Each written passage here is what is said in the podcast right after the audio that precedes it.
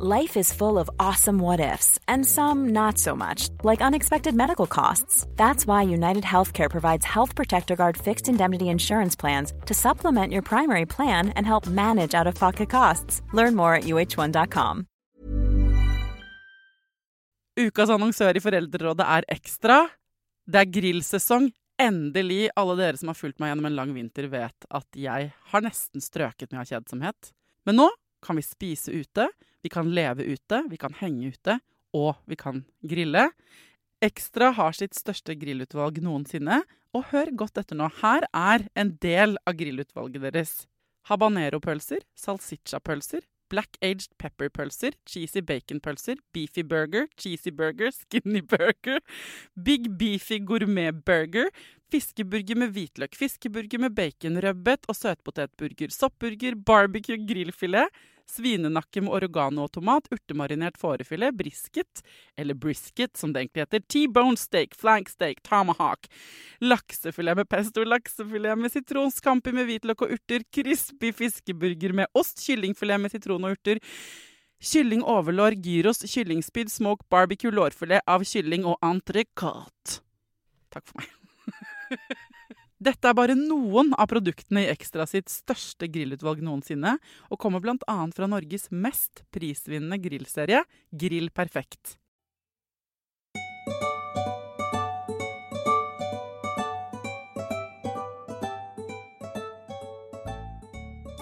Hvis man strever med angst, så er det eh, flere veier man kan gå for å finne løsninger. Det finnes mange former for terapi der ute, og det kan være vanskelig å navigere i hvilken terapiform eh, Nå skal jeg til psykolog. Hva slags psykolog burde jeg gå til? Hvilken terapiform funker for dette jeg strever med?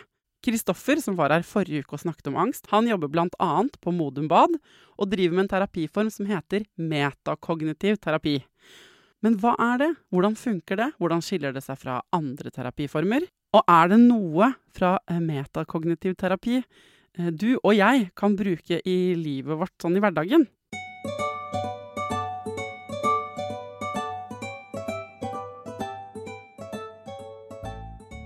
Hjertelig velkommen til Foreldrerådet, Kristoffer Haugen Hetlebakke. Tusen takk. Du er psykolog ved angstavdelingen på Modum Bad. Eh, du har videreutdanning i metakognitiv terapi, og jobber også med metakognitiv terapi eh, på en privat eh, klinikk i Oslo. Sant? Stemmer. Og så var du her for en uke siden for å rydde opp i dette begrepet eh, angst. Så hvis du som hører på nå, eh, på, hører på denne episoden først, da vil jeg trykke på pause og så bare gått tilbake en uke og hørt eh, den første episoden, for der føler jeg at vi la et veldig godt Men der var du god, Kristoffer, til å legge Takk. et grunnlag på, eh, på hva angst er, eh, hvordan vi alle har det, ikke sant? Og hvordan det er forskjellig fra de som f.eks. har en angstlidelse. Um, og nå, uh, fordi dette er så stort tema, da, så vil jeg gjerne at du i løpet av denne uh, episoden her skal fortelle oss om det du jobber med, som er metakognitiv terapi, og egentlig gi oss innmari mange strategier for å ikke styres av angsten vår. Og det er så gøy at du sier, for jeg tror at prosjektet mitt skal være det helt motsatte. OK, ok, interessant.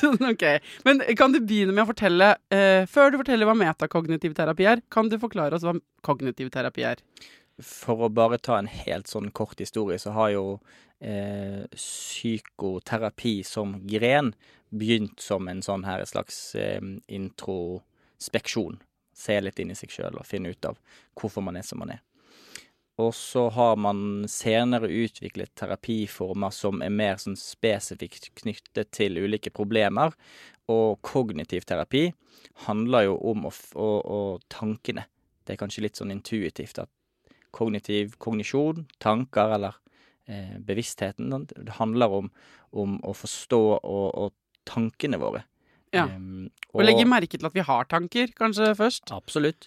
Så, så, kognitiv terapi har som hensikt å snakke og gjøre noe med eh, tankene våre på, eller måten vi tenker på. Ja.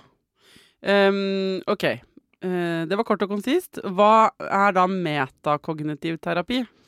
Yes. Så hvis vi begynner med å definere en kognisjon som en Det kan være en tanke, men det kan også være litt sånn større enn det. Så det er alt hodet vårt gjør i møte med verden, kognisjon. Ja. Og så har vi meta metakognisjoner, altså derav metakognitiv terapi, eh, som er tanker om tanker. Ah, det er level up. Det er, Eller et lag til, på en måte. det er et lag til. Eh, ikke level up så mye noe bedre nødvendigvis, men det er tanker om tanker. Så for eksempel, hvis jeg tenker eh, Åh, i dag var jeg stygg, så blir den tanken avløst av Ai, så dum jeg er, som tenker at jeg er stygg. Ja, så en, en metakognisjon der, altså metakognisjonene våre er det som ligger eh, sånn bak eller over eller eh, rundt, eller hva man skal si, som på en måte bidrar til å, å styre eh, retningen på liksom tankene våre og de mentale prosessene. Ja, kan du, men gi meg et sånt uh, eksempel, da, hvis ikke du likte det jeg er stygg-eksempelet. Typisk er at noen kommer til kontoret mitt, og så sier de at nå, nå har jeg Jeg ble så grådig redd for, for dette. dette. Det skjedde noen ting. Jeg fikk en sånn tanke om at det kan, det kan komme til å skje noe fælt eh, med meg eller med familien min. noen ting. Og en, en metakognisjon, da, en sånn metakognitiv antagelse som veldig mange har, er at det som jeg da bør gjøre, er at jeg bør tenke litt over det. Se litt for meg. Hva er det som kan komme til å skje? Hva er konsekvensen av det?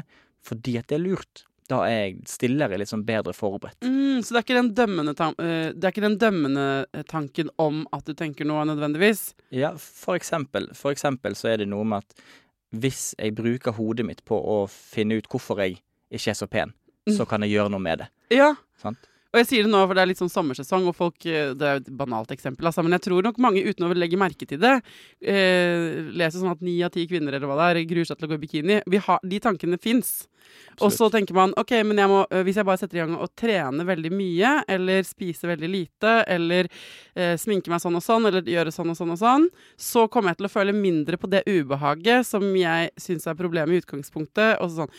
Men- vi trenger ikke å ta det eksempelet, altså. Men det er alle de strategiene, liksom, man legger rundt. Ja, metakognisjonene våre er jo da disse antagelsene om hva man eh, burde bruke hodet på, for eksempel i det eksempelet her, som da styrer hvilke strategier vi velger. Ja. Så hvis jeg har en sånn antagelse om at eh, det å bekymre seg eh, gjør meg forberedt på en situasjon, så er det jo klart at da begynner man jo å bekymre seg, tenke gjennom ulike scenarioer, for eksempel.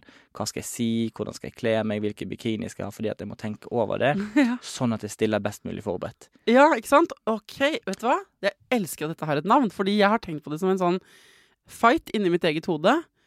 Jeg kan føle at jeg har to krefter i meg. Den som sier sånn 'herregud, det går bra, drit i det'. Eh, om, la oss si at jeg skal eh, arrangere en fest, da. Og det er masse styr i forbindelse med den festen. Og?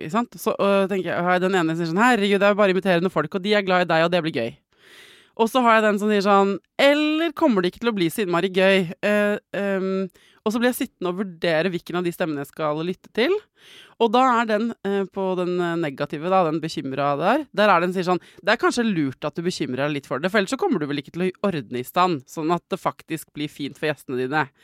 Så tenker jeg, ah, den kan være ganske overbevisende, så jeg heller mot å favorisere av og til bekymringstankene, fordi de virker på en måte mer fornuftig. Ja, og det som også er litt interessant, er at veldig ofte så er ikke disse metakognitive antagelsene så voldsomt uttalt heller. Nei. Så det skjer veldig fort der. Så får man en tanke om at nå skal jeg, nå skal jeg arrangere det her besøket. Så begynner man å bekymre seg egentlig før man vet ordet av det, fordi at den antagelsen ligger liksom baki der. Ja. Den har vi liksom implisitt i oss. At jeg har jo gjort det mange ganger før. Jeg har bekymret meg og tenkt og, og kvernet og liksom stått på veldig mange ganger før. Og, og kanskje unngått katastrofen til og med. Sant? Så da har man liksom inni seg en sånn antakelse om at det er litt lurt å bruke masse tankekapasitet nå på å forberede seg. Eller? Ja, det er på en måte det som gjør at jeg unngår uh, at det blir farlig eller uh, grusomt. Ja. Og en, en annen antakelse kan jo være at hvis jeg, hvis jeg bare unngår dette, så slipper jeg å, å ha det vondt. Mm. Og da, da er det disse metakognisjonene her som forteller som, som, som på en måte peiler oss inn på en eller annen retning, eh, som styrer hvilke strategier vi velger. Unngåelse, da. Jeg avlyser hele greien, eller jeg dropper å gå på stranden, eller jeg har Mm. på meg full kjeledress på stranden. Det er jo strategi, det er jo ting vi gjør. Sant? Det er jo ikke en metakognisjon, det er noe fysisk vi gjør for å løse et problem. Men det gjør vi ofte fordi at vi har antagelser om at det er litt lurt å gjøre det, sånn at ikke andre dømmer meg, f.eks. Og det er masse å utforske. Altså, Mm. Dette diskuterer vi mye på hjemmebane. Knut, min kjæreste, har eh, ganske mye angst. Og en av de første gangene det kom til overflaten, var en sånn klassisk Eller det ble veldig konkret, da. Det var eh, da vi skulle ut og reise første gang sammen. Og da hadde det vært pandemi og sånn. Men plutselig så var det sånn, da måtte vi ha sånne innreiseskjemaer, og det var litt styrete. Men da var det helt sånn at vi satt på et tidspunkt og så på hverandre og bare Vi er fra to helt ulike planeter i forberedelsen av denne turen. Fordi han ble jo så stressa, og hans strategi for å håndtere det stresset var å printe ut alt tre dager før, gå inn på 1000 nettsider, eh, ringe og dobbeltsjekke. Og, og så sa jeg, men så satt jeg, husker jeg, vi satt i sofaen, og sa men, men hjelper det? Eh, eh, For jeg har to valg. Jeg kan være med på det, fordi det tilsynelatende er det han ber meg om. Mm. Så jeg kan hoppe på toget, angsttoget, og bli med han på å gjøre alle disse tingene. Fordi han sier men det her er det faktisk det jeg trenger. Og det er jo et Da må jeg høre på det, hvis jeg vil være en god kjæreste. Mm. Men så blir jeg sittende og tenke sånn Eller er det beste jeg gjør nå, er å prøve å invitere han av det angsttoget? Ikke sant? Og da var hans motargument på den andre siden, og det kan jeg kjenne igjen i meg òg, men det er jo helt uansvarlig av deg å ikke ta noen av disse forhåndsreglene. Og det kan jeg jo på en måte i ytterste konsekvens være enig i. Ja. Og ikke ta noe, gjøre noen forberedelser når man skal ha fest, eller når man skal holde et foredrag, Mm. eller dra på tur Mm. med innreiseskjemaer. Det er Mm. også dumt. man, kan, man kan si det sånn at man har to ulike typer sånne metakognisjoner. Man har eh, negative metakognisjoner, og man har positive metakognisjoner. Ja. Ikke fordi at de er positive, fordi at de, de, de er så bra, eh, men fordi at de fokuserer på at de strategiene vi velger, de har en eller annen gevinst. Sånn at hvis man tenker at bekymring det er noe som gjør meg forberedt, jeg må bekymre meg i forkant for å kunne ha litt sånn kontroll, eller jeg må tenke på hva som har skjedd i fortiden min for å finne ut av hva som gikk galt, eller hvem sin skyld det var, eller Så leder jo det til at man bruker masse tid på den mentale aktiviteten. Eller jeg, jeg må ha kontroll på ting for å printe ut fysisk eh, Billetten, eller hva. billetten, eller hva. Eh, Så de kalles gjøre. positive fordi eh, de fører til en forventet positiv effekt. Det gjør det fordi at man tenker at det har en nytteverdi å gjøre de tingene man gjør. Ja. For eksempel tenke masse over det. Og så har man de negative metakognisjonene, som handler mer om, om negative konsekvenser ved å gjøre det samme. Så mange av de pasientene som kommer til oss, da, eh, og her er litt sånn eh, trikset ved angst versus angstlidelser, da. Noen som har angstlidelser, de har ofte eh, motstridende metakognisjoner. Ja. Så på ene siden så tenker man at ja, bekymring det må jeg gjøre litt av, fordi at det er det som hjelper meg å bli forberedt. Jeg må printe ut de billettene, jeg må ha tenkt ut veien jeg skal gå, jeg må ha sett på bilder osv. Eh, ellers så kommer jeg helt uforberedt, og så vil det bli kaos, og jeg får masse angst, og jeg finner ikke frem, og så, og så blir vi kidnappet, og, og så kan det Ja. gå ganske langt, da. Eh, og, og når det på, samme, på andre siden møter en negativ sånn metakognisjon om at jeg har ikke kontroll, jeg, på bekymringen min. Jeg kan ikke velge å stoppe å bekymre meg hvis jeg bestemmer meg for det. Så har man en sånn dum sirkel gående. Mm. Fordi at da setter man, setter det negative er det mer sånn dømmende? Så den negative metakognisjonen handler om negative konsekvenser ved å begynne å bekymre seg. Og hvis jeg da Så på én side så kan det være positivt å begynne å bekymre seg, Mm. fordi at det kan gjøre at jeg får kontroll, eller gjøre at jeg føler meg forberedt. Men jeg klarer ikke å stoppe med det. Og samtidig så kan bekymring gjøre meg syk. Jeg kan bli veldig stresset, jeg kan eh, få bli anspent, jeg kan få eh, fysiske sykdommer av det, jeg kan bli gal, jeg kan bli Mm. Så det har noen negative konsekvenser. Jeg klarer ikke å stoppe med det. Ja, så det er dobbel binding. Du er både, eh, du har både Det er trippel binding, egentlig. Du, er, du har en, et ubehag, Mhm. en angstfølelse. Mhm. Du prøver å løse det, samtidig som eh, den eh, tredje bindingen, da, den negative siden, sier sånn at du klarer ikke å stoppe med det. jeg, jeg ville nok helst sett på det som at det er to sånne kontrollmekanismer som sitter litt sånn øverst, og så bestemmer hvordan man skal løse et problem. Ja. Og man har noen antagelser, da, hvis vi sier at denne kontrollmekanismen har to sider. De positive og de negative. Og de positive de, de forteller oss at man burde gjøre noen ting. Jeg burde forberede meg. Mens de negative sier at "Eh, men jeg har ikke kontroll på de. Mm. Jeg klarer ikke å stoppe igjen. Og da har man jo hamsterhjulet gående, for da setter man i gang med engstelse eller grubling eller forberedelse som man ikke klarer å stoppe med. Mm. Så da har man jo Da går man litt i sirkler rundt seg sjøl. Og da er det ofte man kan kalle det for en angstlidelse eller en depresjon. Ja, for det fòrer hverandre. Ja, så det, det at disse her antagelsene på en måte eh, går litt mot hverandre, det er jo det som skaper psykisk uhelse, da. Mm. Hvis det var sånn at jeg ser på det som veldig positivt å bekymre seg, men jeg er ikke noe redd for det. Det gjør meg ingenting å bekymre meg, eller Det er ikke Eller så sånn- farlig. For at, eh, sånn, ja, nå, må jeg nå må jeg nødt til å stresse litt grann, og bekymre meg litt, grann, for jeg må, trenger å fokusere. For hvis jeg gjør det nå, så stiller jeg bedre forberedt i morgen. Punktum. Og så tar jeg meg sammen og printer ut boardingpass og gjør de greiene. Uten noe, og så stiller jeg bedre forberedt i morgen. Og så legger man det bort. Når man Ja. har gjort den oppgaven, så legger man det bort. Da har man jo ikke den her negative metaantagelsen om at man ikke har kontroll. Nei. Da kan man velge å legge det bort når man har gjort den aktiviteten. Men en som har en angstlidelse, vil veldig ofte begynne litt sånn på nytt igjen, da. I den, i den Ja. dumme sirkelen der. Eh, hvis man har bekymret seg en runde gjennom liksom at nei, hva, hva er det som kan skje? Hvilke scenarioer er det som kan komme opp? Før en reise, før en eksamen. Ja, ikke sant? At man begynner sånn at det blir en slags sånn runddans hvor man Mm. ikke klarer å slippe taket. Og det tror jeg kanskje spesielt foreldre da, kan kjenne seg igjen i. Fordi når man, man Alt kan være helt eh, chill helt til man får eh, barn og eh, har ansvaret for et annet eller flere andre mennesker av miniversjon. Ja, da kan det jo til og med oppleves som, som eh, skjødesløst eller ansvarsløst å ikke skulle bekymre seg. Ja, vi blir fortalt overalt at vi er nødt til å bekymre oss. Absolutt. Og jeg har laget episode med en, um, en annen eh, gjest som fortalte om hvordan hjernen faktisk endrer seg hos kvinner under svangerskap og fødsel og barseltid. At vi blir påskrudd enda mer på å liksom se bjørner overalt, på en måte, eller se farer overalt. Fordi vi nettopp skal rustes til å ta vare på de ungene vi får. For ellers så ville vi bare gått fra dem i skogen evolusjonært, og ikke sittet her i dag. Er bekymring noen gang nyttig, vil du si? Hvis man ikke opplever at disse bekymringene som man har, er noe problem, da er det jo helt greit, da. Mm. Da må man gjerne gjøre det. For da opplever man kanskje også at man kan stoppe opp og bekymre seg når, når barnet har lagt seg, eller når situasjonen er over, eller når man ikke trenger å være på vakt mer. At hvis man kan da legge det bort og si nå holder vi på med noe annet, så, så er det helt supert, det. Men hvis man da i etterkant av en eller annen situasjon som kunne potensielt vært litt farlig, eller som kunne vært eh, skummel, eller som var skummel til og med, hvis man da går og tenker 'oi, tenk om det skjer neste gang', Mm. så, så begynner man kanskje å tenke mer og mer over det. Og så er det jo sånn at de fleste tenker at det å ha tenkt gjennom det på forhånd, det gjør meg bedre forberedt neste gang. Men er det egentlig sånn? Og ofte så opplever jeg at de pasientene som kommer til meg, har bekymret seg på den måten der i veldig mange år, da. Mm. holdt på sånn i mange år og prøver å forberede seg best mulig. Ulykker skjer, og det kan skje ting uavhengig av om man har bekymret seg for det eller ei.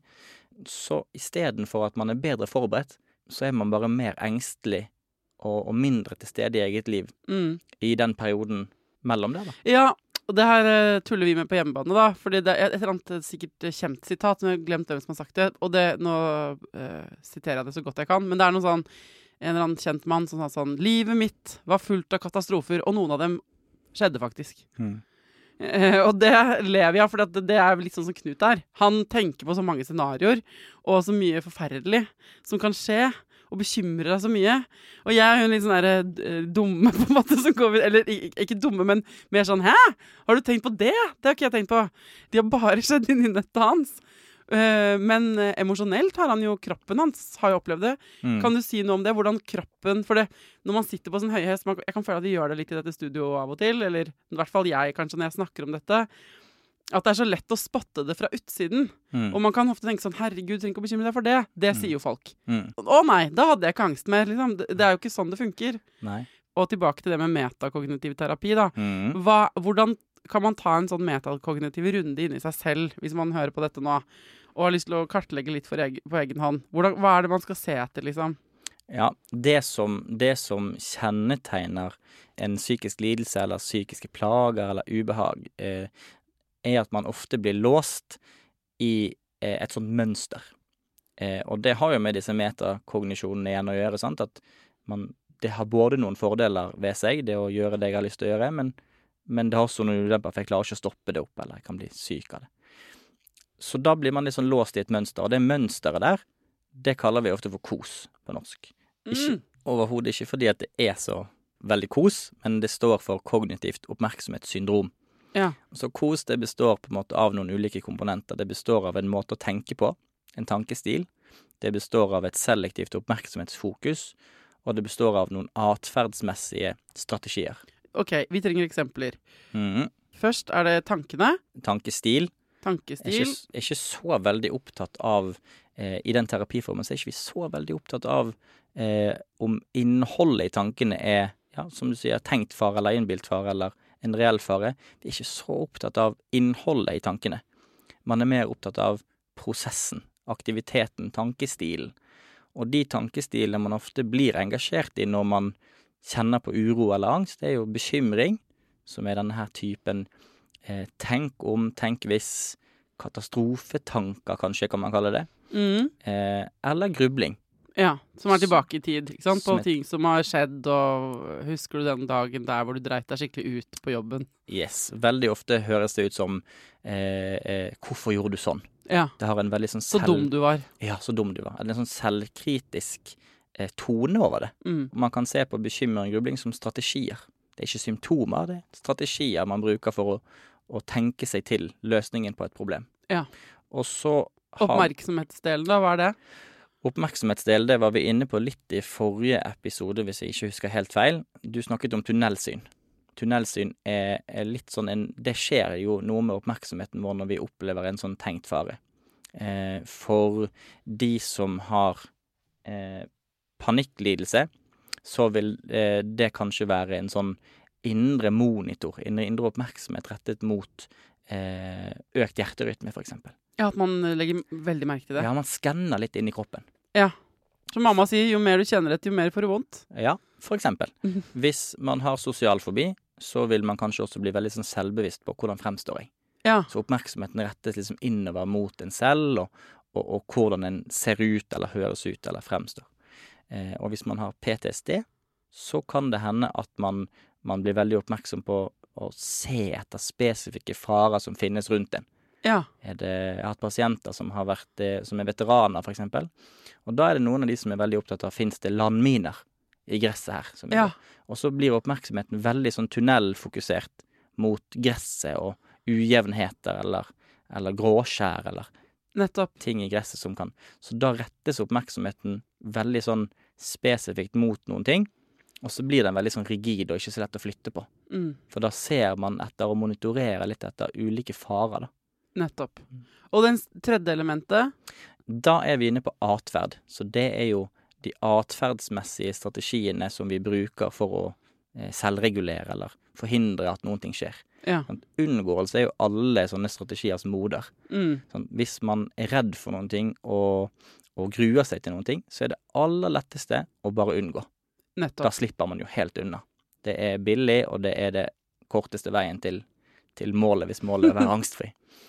Og så har man ganske mange andre strategier, eh, som hvis man er urolig og, og du snakket litt om det her å bli tørr i munnen når man blir engstelig. Ja, det sier jeg eh, alltid til Det har jo ikke lytterne hørt, men eh, før vi går på lufta, så sier jeg alltid til gjestene at du må huske å ha litt vann. Og nå drakk du litt, fordi vi, eh, vi, vi blir jo veldig fokusert og har veldig oppmerksomhet inne i dette studioet, ikke sant? Og da får man litt sånn tørr munn, og jeg vil beskytte dere alle, folkens, mot sånn tørr munnsmatt. Så det er derfor eh, jeg ga deg den tallen, da, før vi gikk på lufta. Eh, Så, men da er det eksempel det å, å, å bli tørr i munnen, det er et symptom på at man kanskje er litt engstelig, eller har angst, eller er redd for noen ting. Mm. Det å alltid ha med seg vann for å sørge for at man kan fukte munnen hvis man er tørr i munnen, det er en sånn strategi som Ja. mange bruker.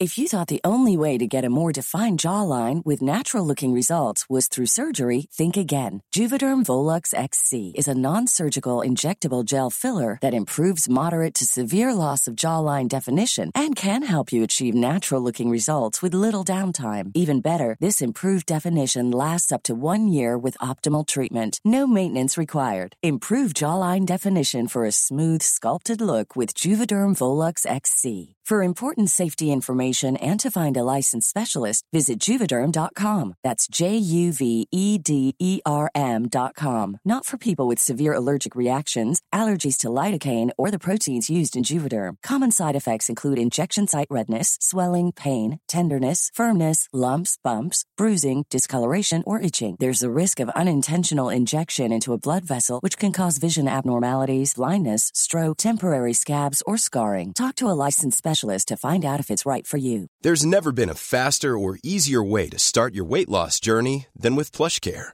PlushCare accepts most insurance plans and gives you online access to board-certified physicians who can prescribe FDA-approved weight loss medications like Wigovi and Zepbound for those who qualify. Take charge of your health and speak with a board-certified physician about a weight loss plan that's right for you. Get started today at plushcare.com slash weight loss. That's plushcare.com slash weight loss. plushcare.com slash weightloss.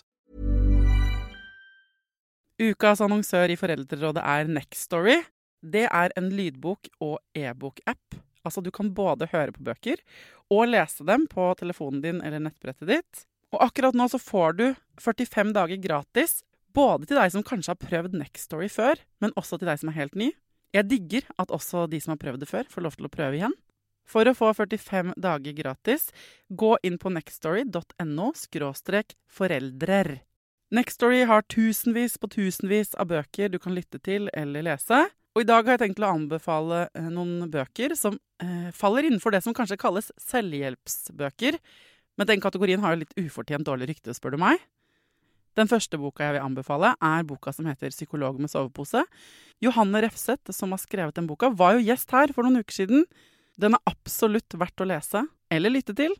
Andre anbefalingen jeg vil gi deg, er Sissel Grans bok 'Men størst av alt er begjæret', som handler om det å begjære noen andre enn den du er sammen med. Og jeg har også laget en episode med Sissel Gran om det temaet for et par år siden. Den boka er fantastisk. Hvis du har lyst til å prøve ut Nextory for første gang, eller har prøvd ut før, men vi prøver det ut igjen, helt gratis i 45 dager, gå inn på nextstory.no skråstrek foreldrer. Jeg kom på et annet eksempel. eh, For eksempel jeg skal putte det å være veldig redd for hunder, da, for Mm. eksempel, inn i dette. Du Ja. er lammende redd for hunder. Ja. Så tanken din er hunder er farlig. Eh, Jeg er redd for å møte hunder. Jeg blir veldig jeg jeg, Det er ikke noe særlig. Det syns jeg er forferdelig. Det er tankestilen. Så, så eh, hvis man begynner på toppen der, da, så vil man jo da liksom være sånn at man skal, man skal gå ut på tur. Så bekymrer man seg for å møte hunden. så får man først en tanke om at OK, en sånn spontan tanke som man ikke liksom kan styre over, den bare popper opp. Tenk om jeg treffer en hund. Så triggertanken vil jo da være tenk om jeg møter en hund. Og så vil oppmerksomheten da begynne å skanne etter hunder. Ja, fordi at da har man jo disse her sånn, Når man har fått en trigger, indre trigger, sånn en tanke om at eh, tenk om jeg treffer på en hund, så vil jo disse metakognisjonene våre aktiveres på en måte. Mm. Så da har man jo med seg det at OK, hvis jeg bare ser rundt meg etter hvor det er hunder, så vil det være home free. Ikke Da sant? Og så vil den atferden være sånn eh, Jeg unngår å gå på den og den veien, for der Ja. går hunder på tur. Jeg passer på å ikke gå på det og det tidspunktet. Hvis jeg ser en hund, så vet jeg hvor jeg skal gå og snu. Eh, ikke sant? Og du har liksom strategiene dine på atferd. Yes. Eh, og, og hva er det hele Dette her kan jo, for en som hører på som er kjemperedd for hunder, tenke ja, veldig bra. Den pakkeløsningen kjører jeg òg. Unngår hunder. Stort sett. Det er veldig lurt av meg å gjøre det. Mm. Da, det er i hvert fall veldig lurt hvis man har lyst til å slippe å få angst, da. Ja. Der og da. Problemet er at på lang sikt, neste gang du skal ut og gå tur, så er det jo ikke blitt noe bedre. For du har jo ikke fått noe erfaring med at det kan gå fint å møte hund. For den erfaringen har man jo liksom fjernet litt. Eh, Eller muligheten for å få den erfaringen har man Mm. litt ved å bare unngå. Ja. Så neste gang blir det jo ikke noe bedre. Og da har man jo sånn et mønster med eh, Hvis det her er eksempelet, da. Tenk om jeg møter en hund. Jeg, jeg, må se, jeg må skanne, jeg må se for meg, og så må jeg tenke litt gjennom hva jeg skal gjøre. Da har man tankestil og oppmerksomhet, og så eh, går man kanskje den der rundturen eh, for å komme til butikken som er to kilometer lengre, fordi at da går man rundt hundeparken istedenfor gjennom. Og så opplever man jo da at eh, det var det som reddet meg. Men hvorfor er dette på en måte feil, Kristoffer? Hvis man lever fint med det, så er det jo ikke feil. Hvis man syns at det er plagsomt og at det påvirker livet, så er det jo dumt fordi at man, man unngår å kan oppdage noe helt nytt. Man unngår å oppdage at man enten kan gjøre noe med bekymringen sin. Kan jeg la være å bekymre meg så mye? Og man unngår å oppdage at det å treffe på en hund ikke var like farlig som jeg hadde tenkt. Mm. Så det er på to nivå. Og når vi jobber med metakognitiv terapi, så er vi veldig opptatt spesielt av den negative metakognisjonen som handler om eh, har jeg kontroll over bekymringen min eller ei? Det er det aller første vi, vi begynner å jobbe med, fordi at det er noe som er felles for, for alle som strever med angst. At de har ikke kontroll. De opplever at de ikke kan stoppe å bekymre seg. De har Mm. ikke kontroll på bekymringen sin, eller grublingen sin, da, hvis det er det som er det store Mm. problemet. Så det må, vi, det må vi ta litt sånn tak i. Hvordan tar dere tak i det? Ja, da jobber vi med noe som heter eh, frakoblet oppmerksomhet. Og nå blir det veldig sånn faglig, faglig igjen, da. Men frakoblet oppmerksomhet er en sånn tilstand som vi forsøker å, å lære opp. Alle kan det fra før av, man bare vet det ikke. Men man må øve det opp også i møte med eh, tanker som er skremmende. Så noen ganger så sitter man kanskje og, og tenker. Sitter oppe i sitt eget hode og tenker hvordan skal jeg, alle dager skal jeg overleve dette her, og økonomien og sånn. Og så, og så skjer det et eller annet som gjør at man blir revet litt bort i oppmerksomheten sin. Man ringer- Distraksjon, liksom? Ja, det kommer en telefon. Mm. Eh, telefonen ligger og vibrerer på siden. Kan man da Hva skjer da med den her bekymringen som man drev og holdt på med? Jo, Mm. den havner kanskje litt i bakgrunnen fordi at man valgte å, å se på den telefonen. Så frakoblet oppmerksomhet handler om to ting. Det ene er jo Altså, det er jo et todelt ord, da. Eh, det ene er oppmerksomheten. Sant? Det å være bevisst over hva Hvilke tanker er det som er i hodet mitt nå? Det å registrere at nå holder jeg på å bekymre meg. Det andre det er der frakoblingsbiten. Så kan jeg velge å la den tanken få lov til å være helt i fred, uten å gjøre noe med den, og fortsette med det som jeg har gått på med. Sette den på pause, på en måte, eller på vent, eller bare vende fokuset vekk. Ja, og da, da jobber vi mye med det, det konkrete som pasientene mine får jobbe med, det er jo bekymringsutsettelse. Ja. Fordi at man går og bekymrer seg hele dagen, da. Um, og noen ganger så kan det være eh, Så er det sånn at man bekymrer seg veldig sånn rett før man skal gjøre et eller annet. Andre ganger så bekymrer man seg liksom kjempelenge, kanskje en dag i forveien, eller om, om tilfeldige ting som økonomi, eller en presentasjon på jobb, eller for å møte hund i parken. Eh, og hvis man går og bekymrer seg hele tiden, så, så går man jo litt sånn og fòrer dette her nervesystemet. sant? Nervesystemet er på hele tiden. Mm. Og bekymring det er jo, som vi har snakket om, en strategi for å forsøke å løse et tenkt eller reelt problem. Og akkurat nå så har man egentlig holdt man egentlig på med noe annet, eller har ikke lyst til å bruke tid på det akkurat nå. Mm. Så den konkrete oppgaven som pasientene får av oss, er jo å Kan du sette denne bekymringen på pause? Men typ til klokken senere. kvart på åtte i kveld, liksom? Ja, gjerne ikke så seint. Fordi at hvis man da skal ta det opp igjen, dette her problemet som man skal løse, så er det jo dumt å begynne med det rett før man skal legge seg, f.eks. Så eh, strategien er sånn, ok, de bekymringene du har eh, i løpet av dagen, sett et tidspunkt klokken fire, da, hvis du hadde litt tidligere. Et Yes. tidspunkt som du passer. Bare yes, jeg skal ta opp det i mitt indre allmøte klokken fire, Yes. hvis det fortsatt er aktuelt. yes. Ja. Og, og grunnen til at man gjør akkurat det sant? Og man må gjerne ta det opp igjen, og man kan gjerne glemme det. Det er helt greit, begge deler. Men, men, men det å ha en avtale med seg sjøl om at dette problemet skal jeg komme tilbake til. Mm. Så, og, og, og i seg sjøl så er jo ikke det det at man må tenke så nøye gjennom det klokken fire. Det er jo ikke den aktiviteten man gjør klokken fire som da er avgjørende. Nei.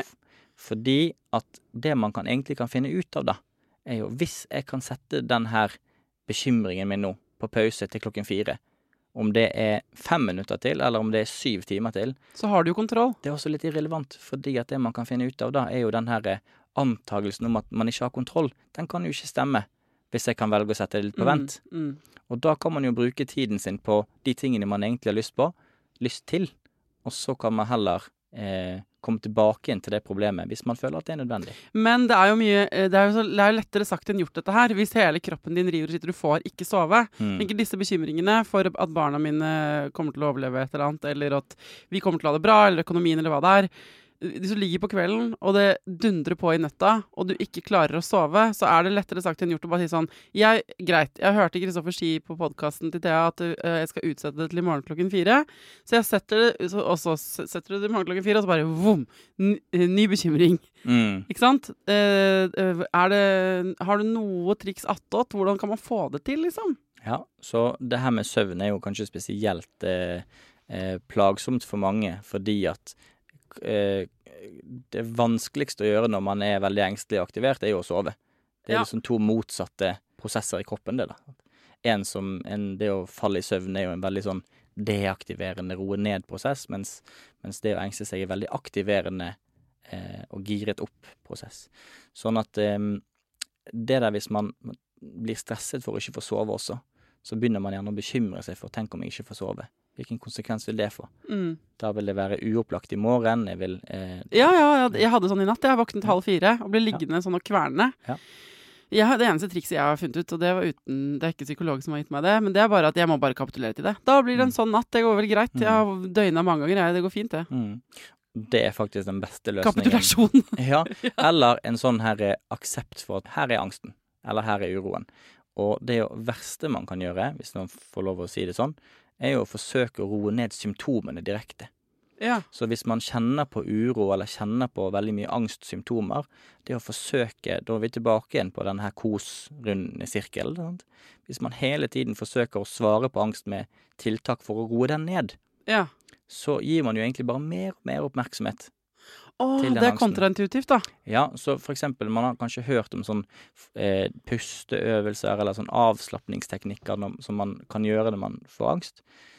Så er jo det egentlig noen ganger litt sånn eh, Litt sånn eh, Litt sånn bakvendt, fordi at det å forsøke å ta kontroll på noe som er helt normalt, noe som kroppen egentlig ordner sjøl, det vil egentlig bare gi mer oppmerksomhet til det her angstsystemet, da. Som Mm. fortsetter, vil fortsette å spy ut eh, stresshormoner. Ok, så det kan være, men for det, Noen ganger så fungerer det jo å få liksom kontroll på pust, og fordi du Mm. sender sånn kontrabeskjed til nervesystemet, istedenfor å ligge og være, puste kort og stresse, så bare Absolutt. Så sender du liksom 'her er det ingen fare', men du sier at ikke alltid.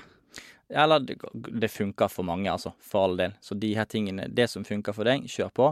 Problemet er jo hvis det å ta kontroll på symptomene ikke lenger funker. Mm. Eller at det blir Eh. utrolig stor jobb å ta kontroll på de symptomene, Ja. sånn at du ender med å bruke hele natta på å ta kontroll på symptomene dine. Og det kan det jo bli. Hva er alternativet da? Så alternativet er å rett og slett bare la det være. Symptomene i kroppen, de er der. De kommer litt uten at vi ber de om det. Eh, men, men de er der. Og kan man forsøke å bare la de få lov til å være der, uten at man forsøker å gjøre så veldig mye for å få de bort, eh, så er det sånn det. Så eh, er det eh, sånn at eh, alle veier fører til at du må eksponeres for det du er redd for, for å ikke være redd for det mer?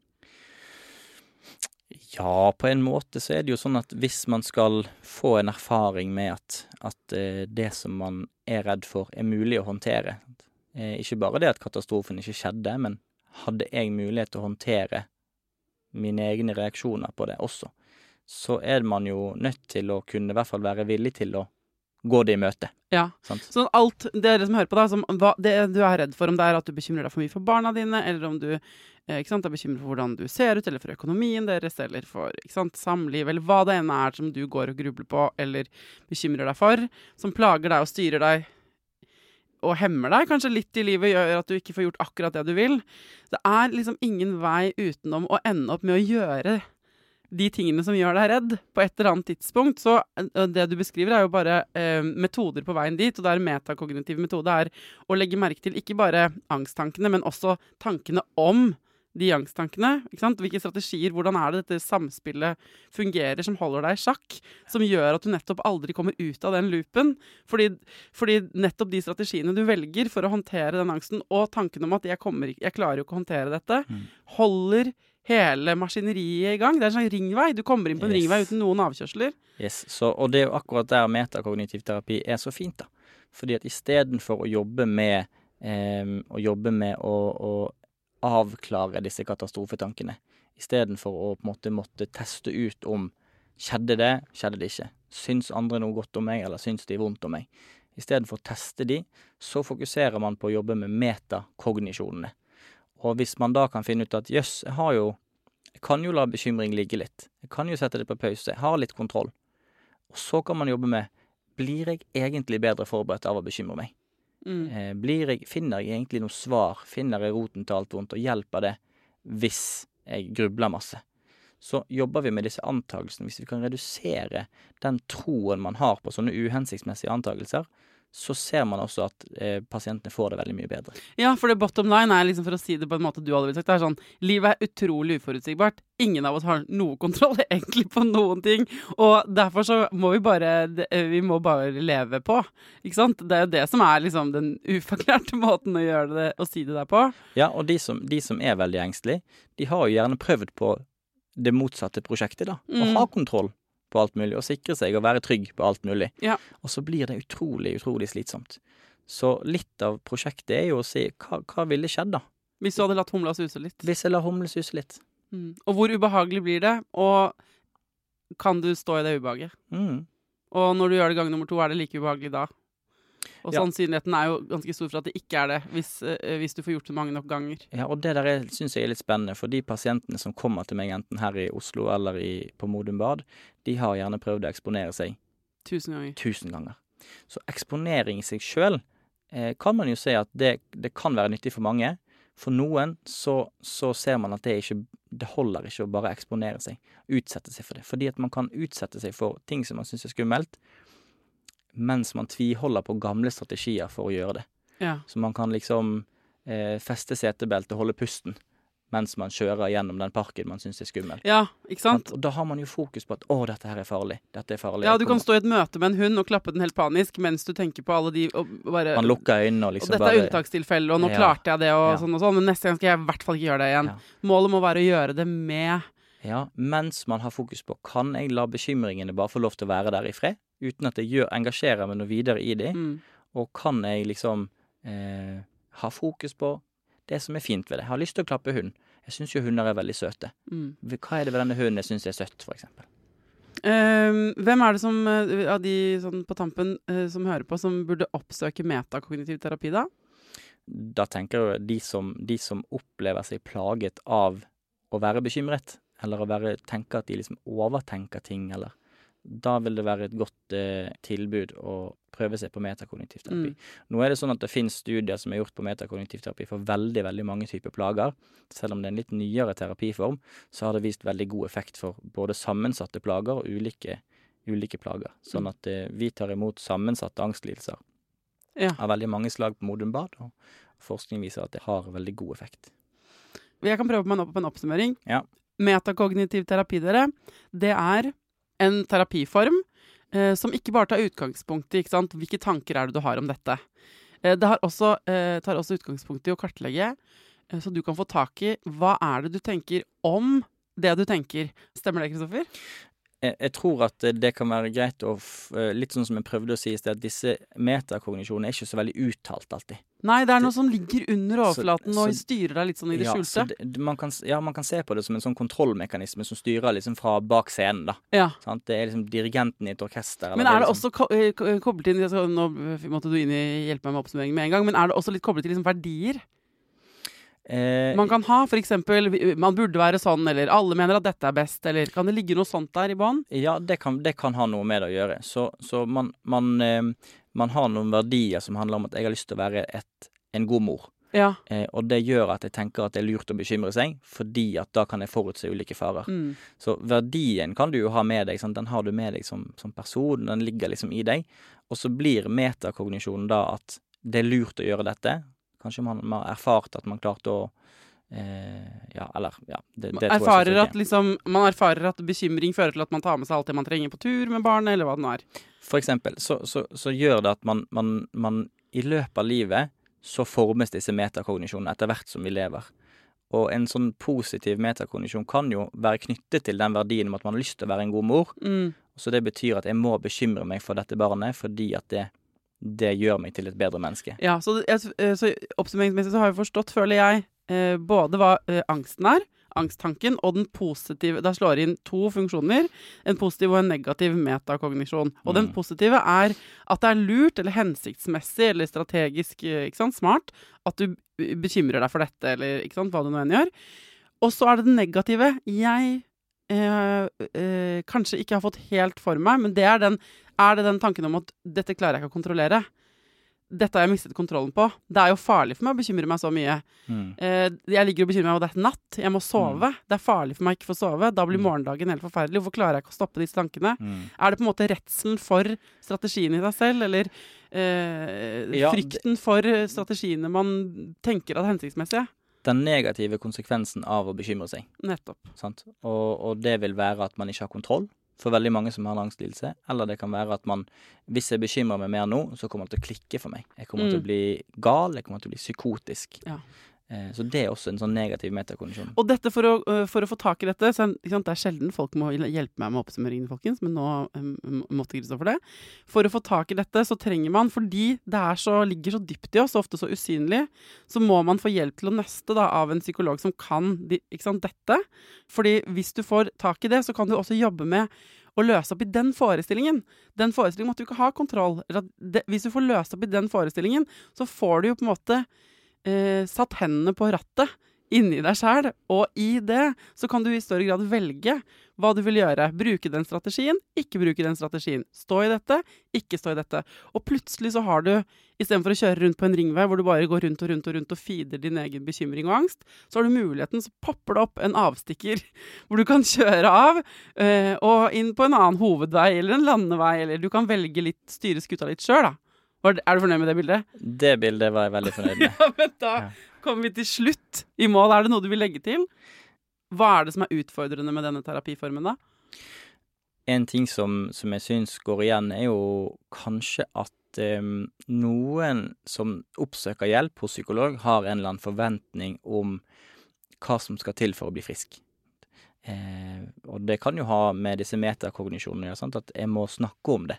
Jeg må, og, må få ut alt jeg har opplevd. Jeg må bearbeide alt jeg har opplevd, eller eh, for, for å bli frisk, eller for å bli bedre.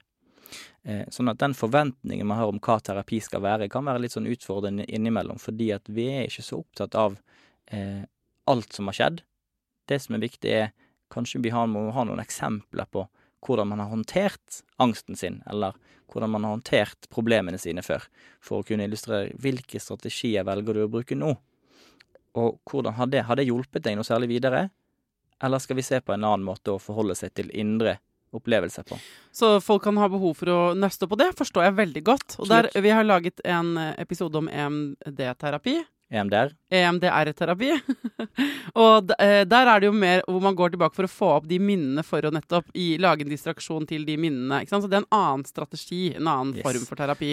Og de går mer, der går man jo på en måte bakover for å løse opp i nåtid og fremtid. Mm. Mens her er dere mer opptatt av det som er her og nå, og, eh, og hva man skal gjøre fremover. Er det riktig? Det stemmer ganske bra. Så Mm. vi er mer opptatt av hvordan kan du bruke andre, mer hensiktsmessige strategier her og nå for å håndtere de problemene som dukker opp for deg. Mm. Men det noen ganger er det ene hensiktsmessig, og noen ganger er det andre. og Det er derfor da man går til en psykolog, så må man på en måte begynne å nøste. Og hva er det Mm. som er mest hensiktsmessig for det du står i? Ja, så, så det blir jo litt et samarbeidsprosjekt, da. Ikke sant? Dette er jo musikk i øret til folk som ikke vil gå ned i den skattkista, da, sånn som Ja. mamma. Og de som, de som har lyst til å gå ned i skattkisten, så er det helt supert. Da må man gjerne gjøre det. Ja. Eh, og, så, og så kanskje man oppdager noen, noen spennende ting der, og det er helt supert. Og kanskje er det en kombinasjon. Kanskje før man kan begynne å jobbe med strategiene her og nå, så må man eh, lette på lokket og fortelle og gå inn i noe av det som han har ført deg hit i dag. Men det er, det er jo kult at det finnes alternativer, at man ikke må. Absolutt. Så, altså, erfaringsmessig så finnes det veldig god hjelp der ute. Og metakognitiv terapi har vist seg å være veldig effektivt også for de som har en sånn forventning om at man må bearbeide. Men da må man jobbe litt med hvilken funksjon det skal ha, da. Mm. Tusen takk for at øh, du kom tilbake til Foreldrerådet, Kristoffer. Selv takk.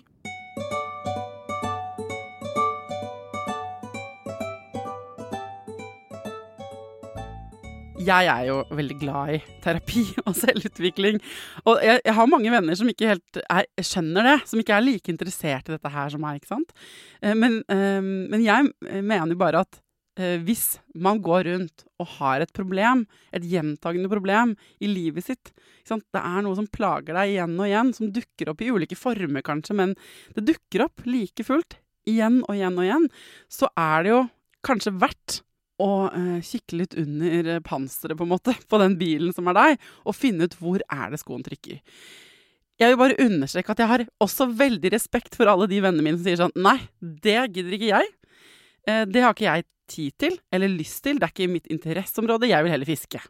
Det er ikke så mange av vennene mine som vil fiske, men dere skjønner hva jeg mener. Um, uh, det er ingen uh, i denne podkasten som skal tre terapi hodet, nedover hodet på noen av dere. Det lover jeg. Uh, men jeg syns det er litt spennende, da, ikke sant, å se på vi mennesker som går rundt her og som later som vi har full kontroll, og at vi lever våre beste liv, under overflaten ganske ofte går og strever med noe greier. Eh, så, jeg syns det er spennende. Du trenger ikke å synes det. Eh, ikke tving noen du er glad i til å gå i terapi hvis ikke du vil. Hvis du er nysgjerrig sjæl, be my guest. Da vil jeg gi ti tomler opp og si gjør det. Tusen takk for at dere er så rause og varme og fine. Eh, dere skulle sett hvor mye kjærlighet jeg av og til får i den innboksen min på Instagram. Jeg føler meg eh, jeg føler meg beæret over at dere gidder å engasjere dere eh, så mye. I Foreldrerådet, det er jo det gruppearbeidet hvor dere sender meg problemer, og så finner jeg folk som kan, eh, om ikke løse problemene, kanskje i hvert fall gi noen gode råd. Noen faglige, gode råd. Eh, så hvis du brenner inne med noe, noe du vil at jeg skal ta opp, noe jeg ikke har Eh, laget episode om noen gang, eller som jeg trenger å lage en episode til om, send det til meg på Instagram på Foreldrerådet-kontoen der, eller på mail til foreldreradet at gmail.com. Til neste gang, ta vare på deg sjæl, ta vare på ungen din, og lykke til.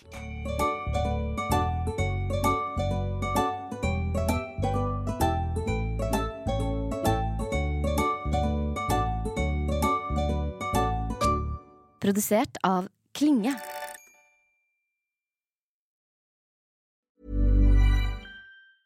Hey, it's Paige DeSorbo from Giggly Squad. High quality fashion without the price tag. Say hello to Quince. I'm snagging high-end essentials like cozy cashmere sweaters, sleek leather jackets, fine jewelry, and so much more. With Quince being 50 to 80% less than similar brands. And they partner with factories that prioritize safe, ethical, and responsible manufacturing. I love that. Luxury quality within reach. Go to quince.com slash style to get free shipping and 365 day returns on your next order. Quince.com slash style. Imagine the softest sheets you've ever felt. Now imagine them getting even softer over time. That's what you'll feel with Bowl and Branch's organic cotton sheets. In a recent customer survey, 96% replied that Bowl and Branch sheets get softer with every wash. Start getting your best night's sleep in these sheets that get softer and softer for years to come. Try their sheets with a 30-night guarantee. Plus, get 15% off your first order at bowlandbranch.com. Code BUTTERY. Exclusions apply. See site for details. Mom deserves the best, and there's no better place to shop for Mother's Day than Whole Foods Market. They're your destination for unbeatable savings, from premium gifts to show-stopping flowers and irresistible desserts. Start by saving 33% with Prime on all body care and candles. Then get a 15-stem bunch of tulips for just $9.99 each with Prime. Round out Mom's menu with festive rosé, irresistible berry chantilly cake, and more special treats. Come celebrate Mother's Day at Whole Foods Market. Hi, I'm Daniel, founder of Pretty Litter. Cats and cat owners deserve better than any old fashioned litter. That's why I teamed up with scientists and veterinarians to create Pretty Litter. Its innovative crystal formula has superior odor control and weighs up to 80% less than clay litter. Pretty Litter even monitors health by changing colors to help detect early signs of potential illness. It's the world's smartest kitty litter. Go to prettylitter.com and use code ACAST for 20% off your first order and a free cat toy. Terms and conditions apply. See site for details.